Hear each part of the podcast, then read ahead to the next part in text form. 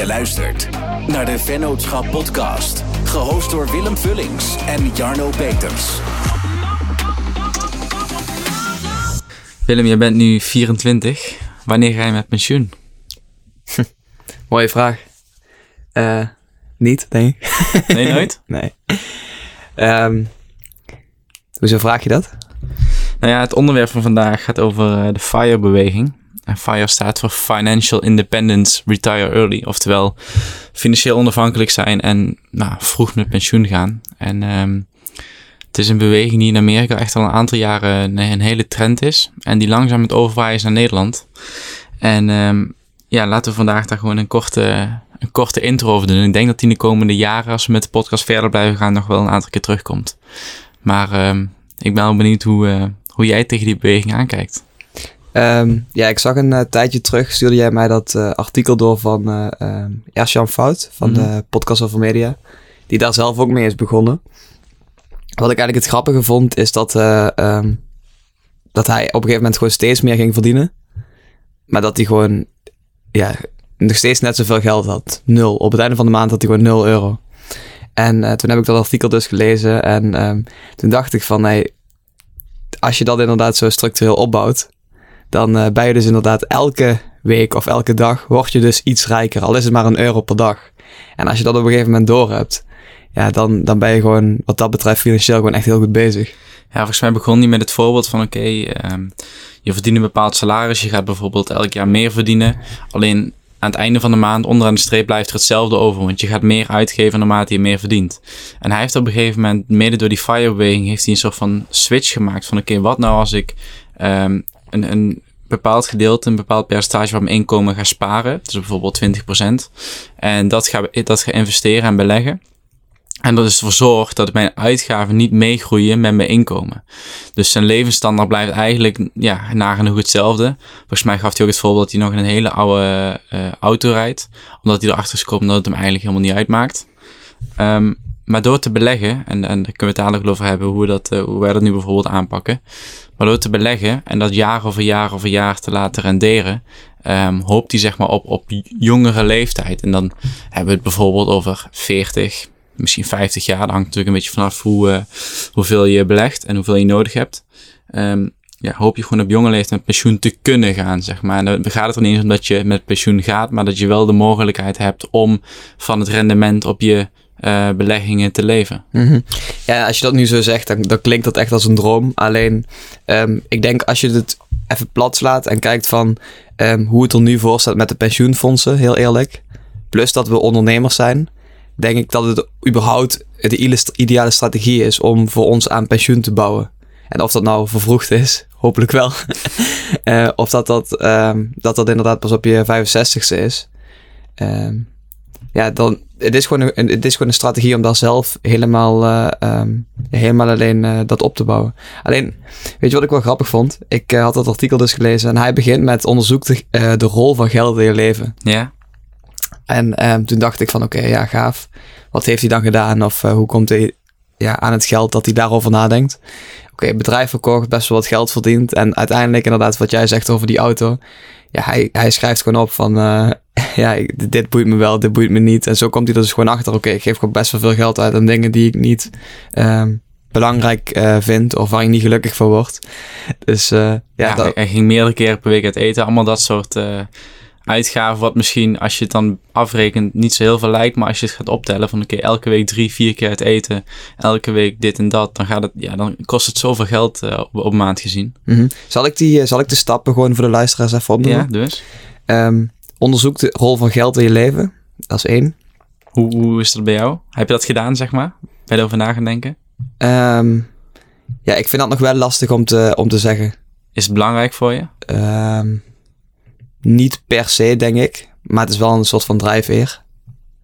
Ehm, maar nou, ik denk dat het, het... Nou, dat is meer een gelddoel. Maar met, mijn eerste doel is nu om zo snel mogelijk een huis te kopen. Dat is gewoon een heel concreet doel. Mhm. En als dat staat, denk ik dat je veel meer kunt gaan kijken van... oké, dit vind ik wel belangrijk om geld aan uit te geven. Dit vind ik wat minder belangrijk.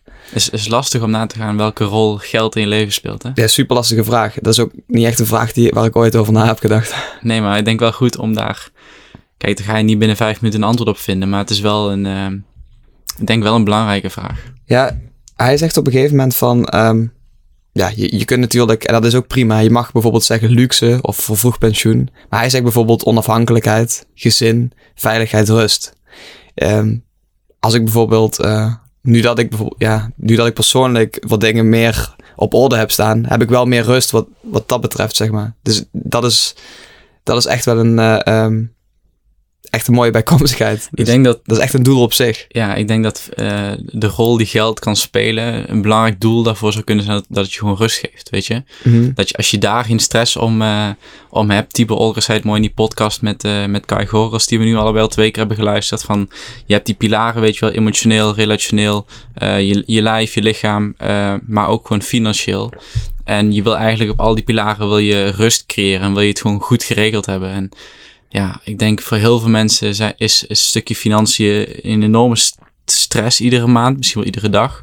En ik denk als je die stress al niet hebt, omdat je er goed over na hebt gedacht en goed ja, in elkaar s- zitten, dat dat echt al enorme rust eh, kan opleveren. Ik las, ik las laatst een eh, quote op Twitter. Eh, Nederland is het makkelijkste land om geld te verdienen.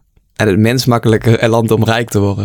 En dat is er eigenlijk, bedoelen ze dan natuurlijk ook mee. Of je nou 2000 euro verdient of 10.000 euro. Bij sommigen gaat het er gewoon net zo snel doorheen. En die houden met 10.000 euro op het einde van de maand ook niks over. En investeren niks. Heb, hoe heb je dat zelf dan geregeld? Weet je bedoelt qua investeren? Ja, heb je, stort je iedere maand hetzelfde bedrag of doe je een percentage? Of... Ehm, ik probeer iedere maand hetzelfde bedrag te storten. Al lukt dat niet elke keer. Ik stort wel iedere maand een bedrag. Ja. Maar ehm, dat is deels Giro. En de laatste tijd ook wel weer, eh, sinds dat die gezakt is, ook crypto. maar daar kunnen we misschien nog een keer een andere aflevering aan wijden. Daar ga ik me nog niet aan wagen. Oké. Ehm, ik ga even verder. Be- bepaal je gelddoelen. Dus eh, de, wie voor jou belangrijk zijn. Ehm, analyseer je huidige inkomsten en uitgaven. Bepaal budgetten en voer besparingen door. En dan heb je een onderverdeling tussen simpele besparingen en ingewikkelde besparingen. Evalueer je uitgaven en doelen maandelijks. Leer jezelf het nieuwe uitgavenpatroon aan en check je geldreflexen. Start met sparen en aflossen van dure leningen. Nog meer aflossen en nog meer aflossen en je geld laten werken voor financiële onafhankelijkheid. En het laatste is vergroot je inkomen. Ja, en ik denk ehm, de, de allermakkelijkste stap is denk ik gewoon om eens je, je banktransacties erbij te pakken. Gewoon je bankapp. En te gaan kijken, oké, wat maak je nou iedere maand naar Netflix, Spotify, whatever, welke abonnement je ook hebt lopen. Wat maak ik dan nu iedere maand naar over? En ik heb zelf dan een, eh, een Excel-lijstje gemaakt. En daarin staat gewoon, oké, zowel privé als zakelijk heb ik dat. Wat geef ik privé nou iedere maand uit? Wat terugkerend is? Een, sportschoolabonnement, een eh, Spotify, allemaal dat soort dingen. Eh, en ook zakelijk heb ik dat. En toen ben ik gewoon gaan kijken. Heb ik gewoon een optelsom gemaakt van... Oké, dit is het totaal in de maand wat eruit gaat. Iedere maand. Los van eh, wat ik incidenteel koop. Ehm, heb ik daar vinkjes achter gezet. En heb ik gewoon... Dan kon ik met die vinkjes gaan spelen. Van oké, wat als ik dit zou eh, opzeggen? Wat zou dat schelen iedere maand? En toen ben ik gewoon een beetje gaan kijken van... Oké, wat heb ik echt nodig? Of, of, of wat, ja, welke luxe dingen en welke noodzakelijke dingen. Eh, en toen ben ik daar gewoon een beetje in gaan snijden. En vooral zakelijk merkte ik van oké, ehm, er, loopt nu, er lopen nu gewoon echt veel abonnementen waar je gewoon heel, heel makkelijk ehm, op een andere manier, zeg maar, dat je dezelfde service kunt gebruiken, maar dan voor veel minder geld. Of dat je het gewoon niet nodig hebt. En ja, voordat je het weet heb je hier gewoon aan zoveel dingen gecommit, zoveel abonnementen lopen, eh, dat je denkt van ja, waarom, waarom ben ik daar niet een keer kritisch naar gaan kijken en heb ik daar gewoon geld op bespaard? Ja, dat geldt voor mij hetzelfde. Want volgens mij hadden wij, eh, toen we op de klokkert zaten, bijna voor elke tool hadden we wel een abonnementje Ja. lopen. En dan allebei nog één apart. En voor sommige, net als Google, had ik er bijvoorbeeld twee. ja, en op een gegeven moment denk je echt van... eh, dat is wel heel makkelijk eh, verdienen. Ja, ik denk dat dat is de eerste stap. Dus ga, ga kijken naar je terugkerende ehm, uitgaven en ga kritisch naar of die nodig zijn. En sommige zullen zeker nodig zijn hoor. Ik bedoel, je moet niet naar nul gaan. Of, of ja, als je, als je het kunt, maar dat kan bijna niemand. Je kunt niet naar nul gaan. Maar ehm, ja, kijk daar gewoon kritisch naar. En ja, het heeft echt twee kanten, weet je wel. Enerzijds je uitgaven verminderen. En, en de laatste stap, wat je al zei, je inkomen vergroten. Ja, en ik denk, ik denk dat het heel belangrijk is dat je... ehm, jij wijst me daar wel vaker op, maar dat je ehm, ook waarde inziet van, van iets wat, je, wat echt veel waarde toevoegt. Dat mag ook geld kosten. Ehm, dat Dat, geldt in dit geval voor een, bijvoorbeeld een boekhouder of uh, voor het in een mooi pand zitten. Daar heb je elke maand zoveel plezier van dat het niet erg is dat je daar wat voor betaalt. En dan heb je ook zoiets van: oké, als ik het betaal, dan voelt dat ook niet. Uh, Um, dan heb je daar geen slecht gevoel bij. Maar als al die, die kleine zeurende abonnementjes, dat je denkt van, hé, hey, weet je wel, van, uh, zo, dat is best wel veel. Ja, ja inderdaad. Ik bedoel, stel je hebt een, uh, een tool om je bedrijf te runnen en dat bespaart jou elke maand, weet ik veel, vier uur die je anders handmatig zou moeten doen. Ja, ga dan maar na als je die vier uur bijvoorbeeld facturabel zou zijn, ja, dan zou het je geld opleveren om die tool wel te doen, zodat je in die andere uren kunt werken. Um, maar wat ik bijvoorbeeld ook heb, en heb je een beetje over schuldig voelen over aankopen. Ik heb bijvoorbeeld bij boeken en ook een beetje bij cursussen, heb ik eigenlijk nooit um, een, een schuldig gevoel na het aankopen ervan.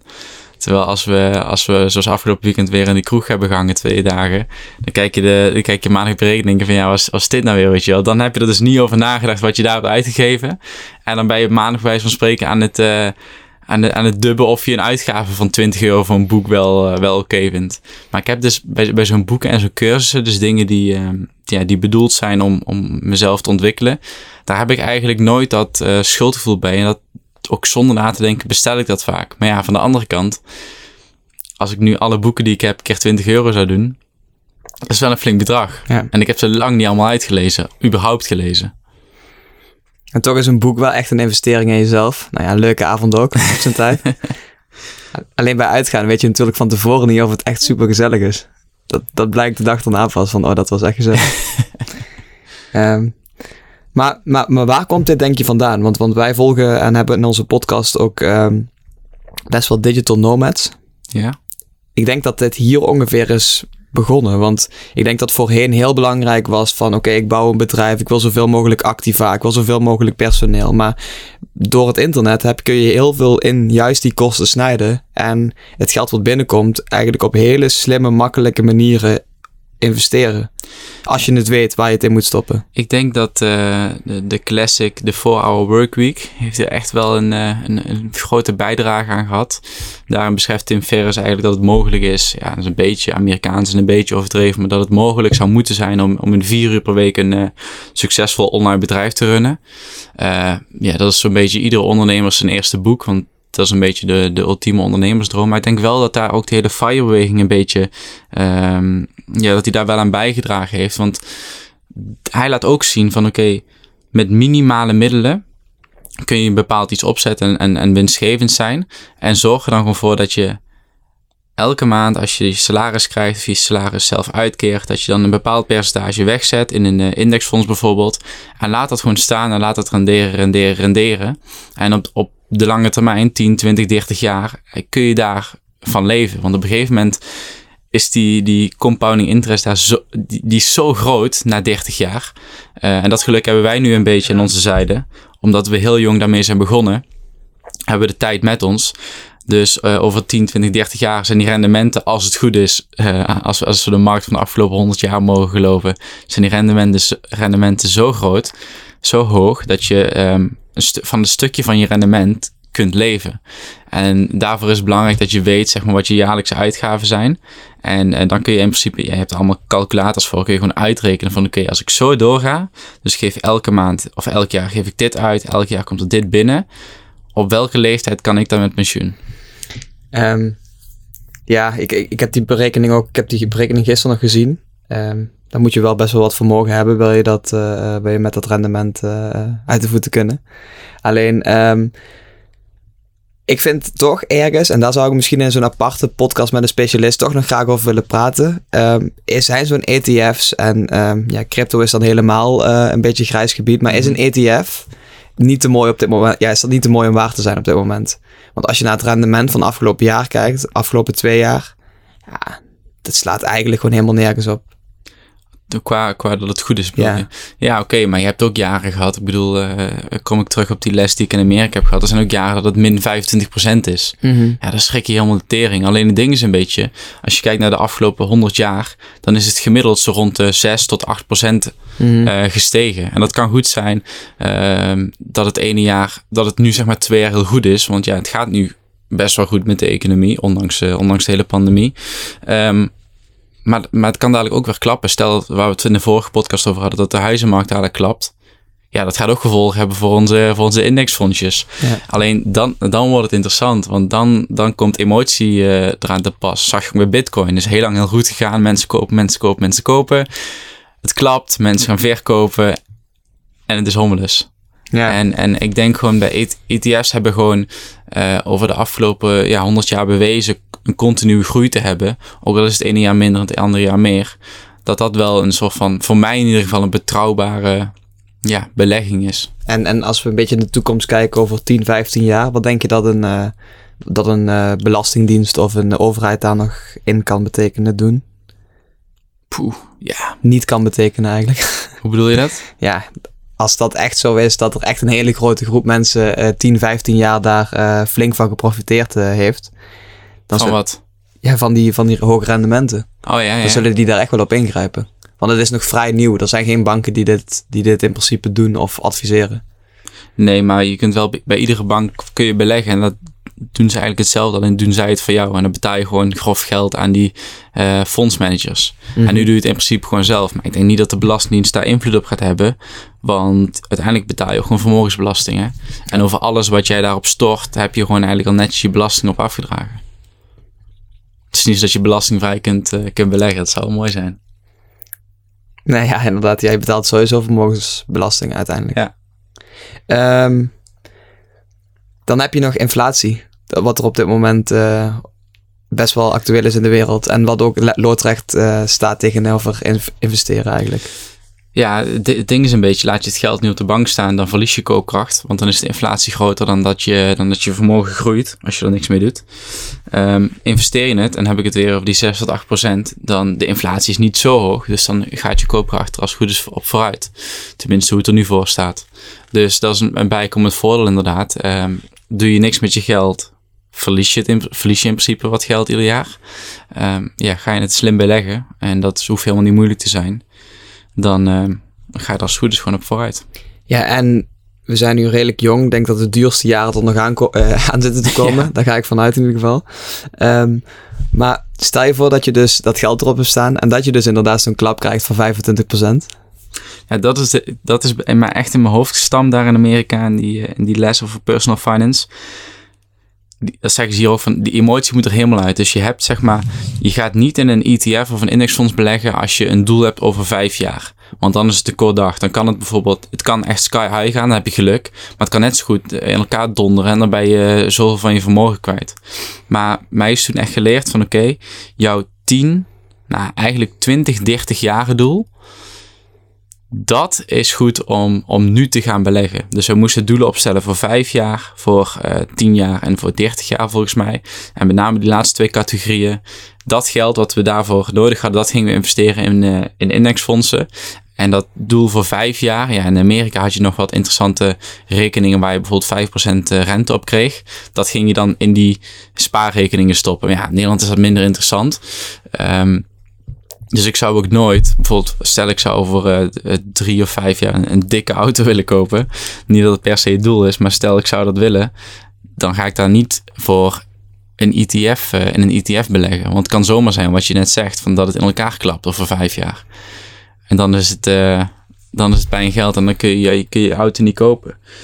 Maar als je dus die 10, 20, 30 jaar aanhoudt, dan heb je dus weer die groei. Dan kan het ene jaar veel minder zijn, kan het andere jaar heel hoog zijn. Maar gemiddeld, ja, gaat die wel stijgen. Ja, en ik denk dat het gewoon super belangrijk is dat je toch een groot deel ook nog natuurlijk op je, op je uh, gewoon spaart. Um, dat je een deel investeert in inderdaad de ETF's. En misschien, als je het leuk vindt, een heel klein percentage uh, speculeert. dat, laat, laat ik het uh, bij speculeren houden in plaats van investeren in crypto. Ja. En um, daar hebben we gewoon echt. Ik, ik, ik, ik vind het eigenlijk ook nog niet interessant genoeg of zo wat daarmee gebeurt. Daarom verdiep ik me er ook niet super erg in. De basis weet ik nu wel een beetje, maar voor mij is nu gewoon inderdaad een klein gedeelte van wat ik maandelijks beleg gaat naar de crypto. En uh, ja, dat, dat is een beetje speel, uh, noem je dat, speelgeld of zo. Ja, ik denk voor de luisteraars die daarin geïnteresseerd zijn, um, ik zou zeggen volg het stock-to-flow model van Plan B. En uh, ja, dat, dat is gewoon, wat mij betreft, is dat gewoon helemaal top. Alleen ja, zelfs dat snap ik nog niet helemaal. Tenminste, het kost me echt veel moeite om dat hele eh, model door te nemen. Ja, ik, ik wil er ook niet verder op ingaan, maar Het is geen financieel advies. nee. Ja, wat betreft Fire, ik denk dat het vet is om hier eh, ook een specialist voor uit te nodigen die het gewoon allemaal haarfijn kan, eh, kan uitleggen waar we onze vragen weer op, eh, op kunnen afvuren. Maar er is wel een heel goed boek geschreven, dat heb ik nu, eh, nu bijna uit. Wel een Amerikaan, dus het is weer een beetje Amerikaans met al hun voorbeelden. Maar ehm, het, heet, het heet ook eh, De Weg naar Financiële Vrijheid. eh, geschreven door Scott Rickens. Ehm, dus die zou je eens kunnen lezen als je hier meer over wil weten.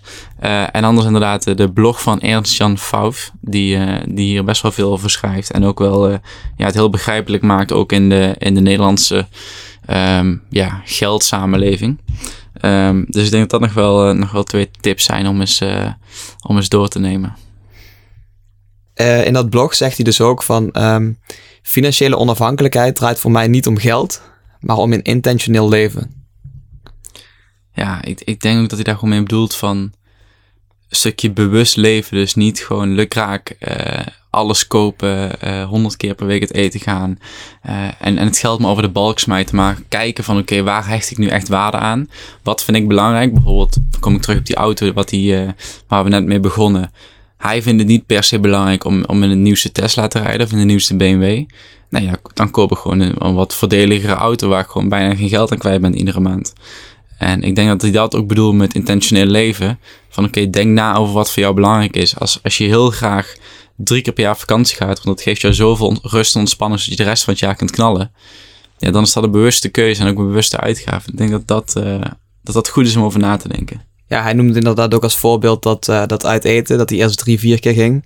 En dat hij op een gegeven moment zegt van oké, ik ga nog maar één keer in de maand. Maar dan, eh, ja, dan eh, ga ik, bereid ik me er echt goed op voor en dan maken we er een leuke avond van. En dan pakken we dan ook helemaal uit. Ja. En dan geniet je er gewoon van. En dan, dan kijkt hij terug en dan denkt hij van oh, dat was echt een hele gezellige avond. We hebben dat nu toch ook wel eens als we dan op, op terras zitten en dan komt de rekening. Of bijvoorbeeld dat we tijdens de lunch niet, niet zelf ons eten maken, maar dat we ergens gaan, eh, gaan lunchen. En dan krijgen we de rekening en zeggen, ja jongens, dit is niet fire hè, dit is niet fire. maar Ja, dat is een nee. beetje het ding, van je zoekt, je zoekt de balans tussen wel leuke dingen doen, eh, op zijn tijd zeg maar. Maar ook inderdaad daar niet in doorslaan, want als je dus, ja, Als je echt ik, ik hoop, je moet echt niet gierig worden, want Nee, nee, dat nee. is echt zo fout. Maar dat hoeft ook niet. En dat is wel wat veel mensen denken bij die firebreaking. Van oké, dan ga ik echt op een, eh, echt op een, eh, op een houtje houtje, bijten. ja, echt. En dan ga ik gewoon eh, nooit rekening eh, op me nemen als ik met vrienden ben. En dan ga ik ehm, kleren de komende drie jaar eh, blijven dragen en geen nieuwe kopen. En dan ga ik echt alles minimaal, echt een minimalistisch leven leiden. En ja, er is een, er is een eh, groep mensen die daar gelukkig van wordt. Ehm, maar heel veel ook niet. En dat is ook echt niet de bedoeling. Het is meer de bedoeling van oké, weer dat intentioneel, eh, intentioneel eh, nagaan van oké, wat vind ik belangrijk? Daar reserveer ik mijn, mijn budgetten voor. Maar wat vind ik ook vooral niet belangrijk? Laat ik daar dan ook geen of, of nauwelijks geld aan uitgeven.